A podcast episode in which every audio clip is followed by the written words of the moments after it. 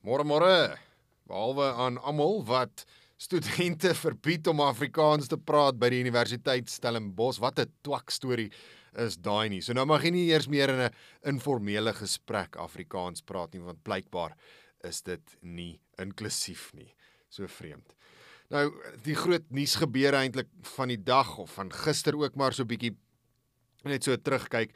Uh president Cyril Ramaphosa wat blykbaar glad nie haastig is om sy kabinet te skommel nie. Hy het aan die ANC se nasionale werkkomitee gesê dat hy eers uh na die staats of die begrotingsrede sal hy besluit oor die kabinet skommeling. Ek hou nie eintlik my my asem op vir enige kabinetskommeling nie. Al wat um, hy gaan doen is hy gaan sy vrot onbevoegde ministers vervang met ander vrot onbevoegde salaristrekkers wat eintlik nie 'n idee het wat hulle doen in daardie pos wat hulle beklee nie. Maar die groot rede hoekom hierdie belangrik is, dit dit, dit gaan oor die oor die indruk wat geskep word uh rakende die kragkrisis ramptoestand. Dit is eintlik maar tekenend van hoe die regering enige dringende saak hanteer ek ek dink terug aan byvoorbeeld die e-tol sage.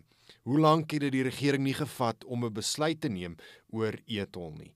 Dit uh, is van die minister van vervoer verwys na die minister van finansies en van die minister van finansies terugverwys na die minister van vervoer en hierdie ding het vir jare lank gesloer voordat hulle 'n besluit kon neem. Nou as ons kyk na die ramptoestand wat aangekondig is deur president Cyril Ramaphosa, die minister van elektrisiteit wat aangekondig is deur deur Ramaphosa, daardie goeders moet alles in plek gestel word as jy nou wil begin met 'n uh, 'n uh, oplossing vir hierdie kragkrisis. En al wat ons sien is 'n groot gesloer. As dit nou regtig so 'n groot ramp was, nê, nee, as mens dink aan aan die aan die COVID-19 ramptoestand. Hulle het baie vinnig het hulle met maatreëls gekom wat gesê het, wel alles is gesluit. Jy mag nie 'n uh, uh, warm hoender koop nie, jy mag nie sigarette en drank koop nie, jy mag nie plakkies koop nie. Dit was in 'n kwessie van 'n paar dae. Ons ons wag nou al 'n week hierso vir enige maatreëls of regulasies oor die ramptoestand en daar is nog niks bekend gemaak nie. Daar's nog nie 'n minister van elektrisiteit uh aangewys nie. So die die die optiek hieroor is is baie swak.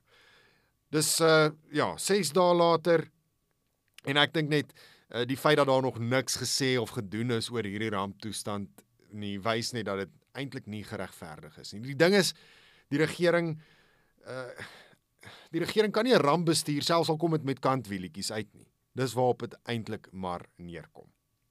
Nou Gweri Montashe het gister ook in die staatsrede debat nogal die sluier gelig oor presies wat hierdie minister van elektrisiteit nou gaan doen.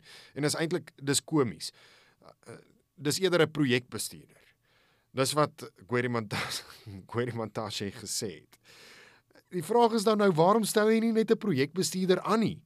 As dit alles wat hierdie minister gaan doen, as jy hom klaar ondermyn deur te sê hy's nie my gelyke nie, hy's nie 'n minister nie, hy's eintlik maar net 'n projekbestuurder. Hoekom stel jy nie net 'n projekbestuurder aan nie?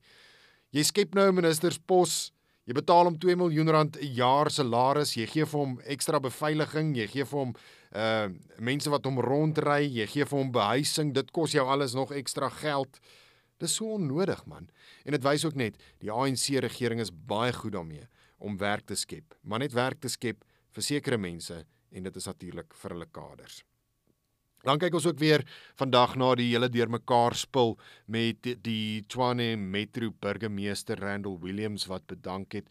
Regtig 'n bietjie ondeurdag om maandag te bedank en sê ek doen dit met onmiddellike ingang en dan uh so uur of wat later sê hy nee man kom ons doen dit eers einde van die maand. As jy van die begin af gesê het einde van die maand, dan was almal baie meer gelukkig en kon hierdie ding baie beter bestuur word. Wat jy nou doen is jy uh skep net verdere onstabiliteit in hierdie in hierdie koalisie regering.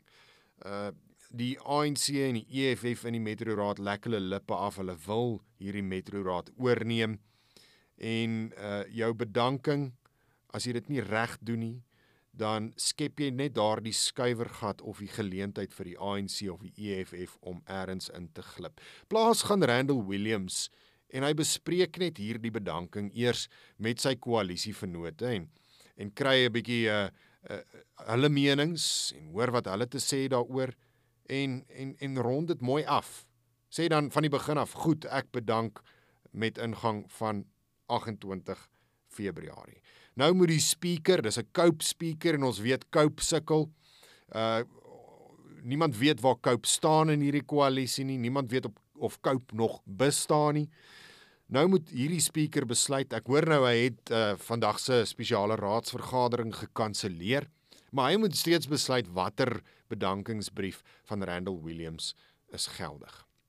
En ja, ons sal nou maar moet wag en sien oor wat hy gaan besluit en dit het natuurlik ook 'n groot uitwerking oor of daar 'n burgemeesterskomitee nog gaan wees en uh of daar of wanneer daar 'n uh, verkiesing gehou gaan word vir 'n nuwe speaker. Dis aan die groot nuusgebeure vir die dag. Baie dankie dat jy uh ook op hierdie nuwe kanale van my uh saam luister. Ek sal graag wil hê dat jy hierdie ook met jou vriende en jou familie en diegene wat belangstel in onafhanklike Afrikaanse nuus sal deel.